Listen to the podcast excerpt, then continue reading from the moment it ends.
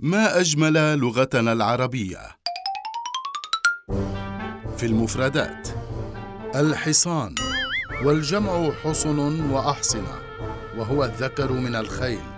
وحصان البحر جنس سمك يشبه الفرس شكلا لكن الحصان صفة مشبهة تدل على الثبوت من حصن وحصن يحصن حصانة فهو حاصن وحصان وحصين. والحصانة مناعة ضد الأمراض وتكون إما طبيعية أو مكتسبة. والحصانة النيابية كما في بلادنا أن يكون النائب في حالة حصينة تمنع مقاضاته إلا إذا رفع مجلس النواب عنه الحصانة. والحصانة الدولية والحصانة الدبلوماسية وكل الحصانات. الحصانات جمع حصانة.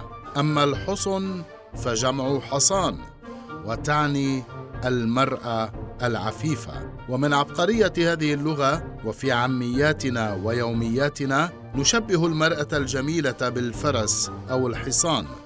ويتكئ البعض في الشوارع للتمتع برؤية المرأة الحصان. لكن المرأة الحصان وليس الحصان فهي المرأة العفيفة. التي عفت عن الريبة والشبهات. يا لعبقرية هذه اللغة. هل فهمت الآن يا حصان؟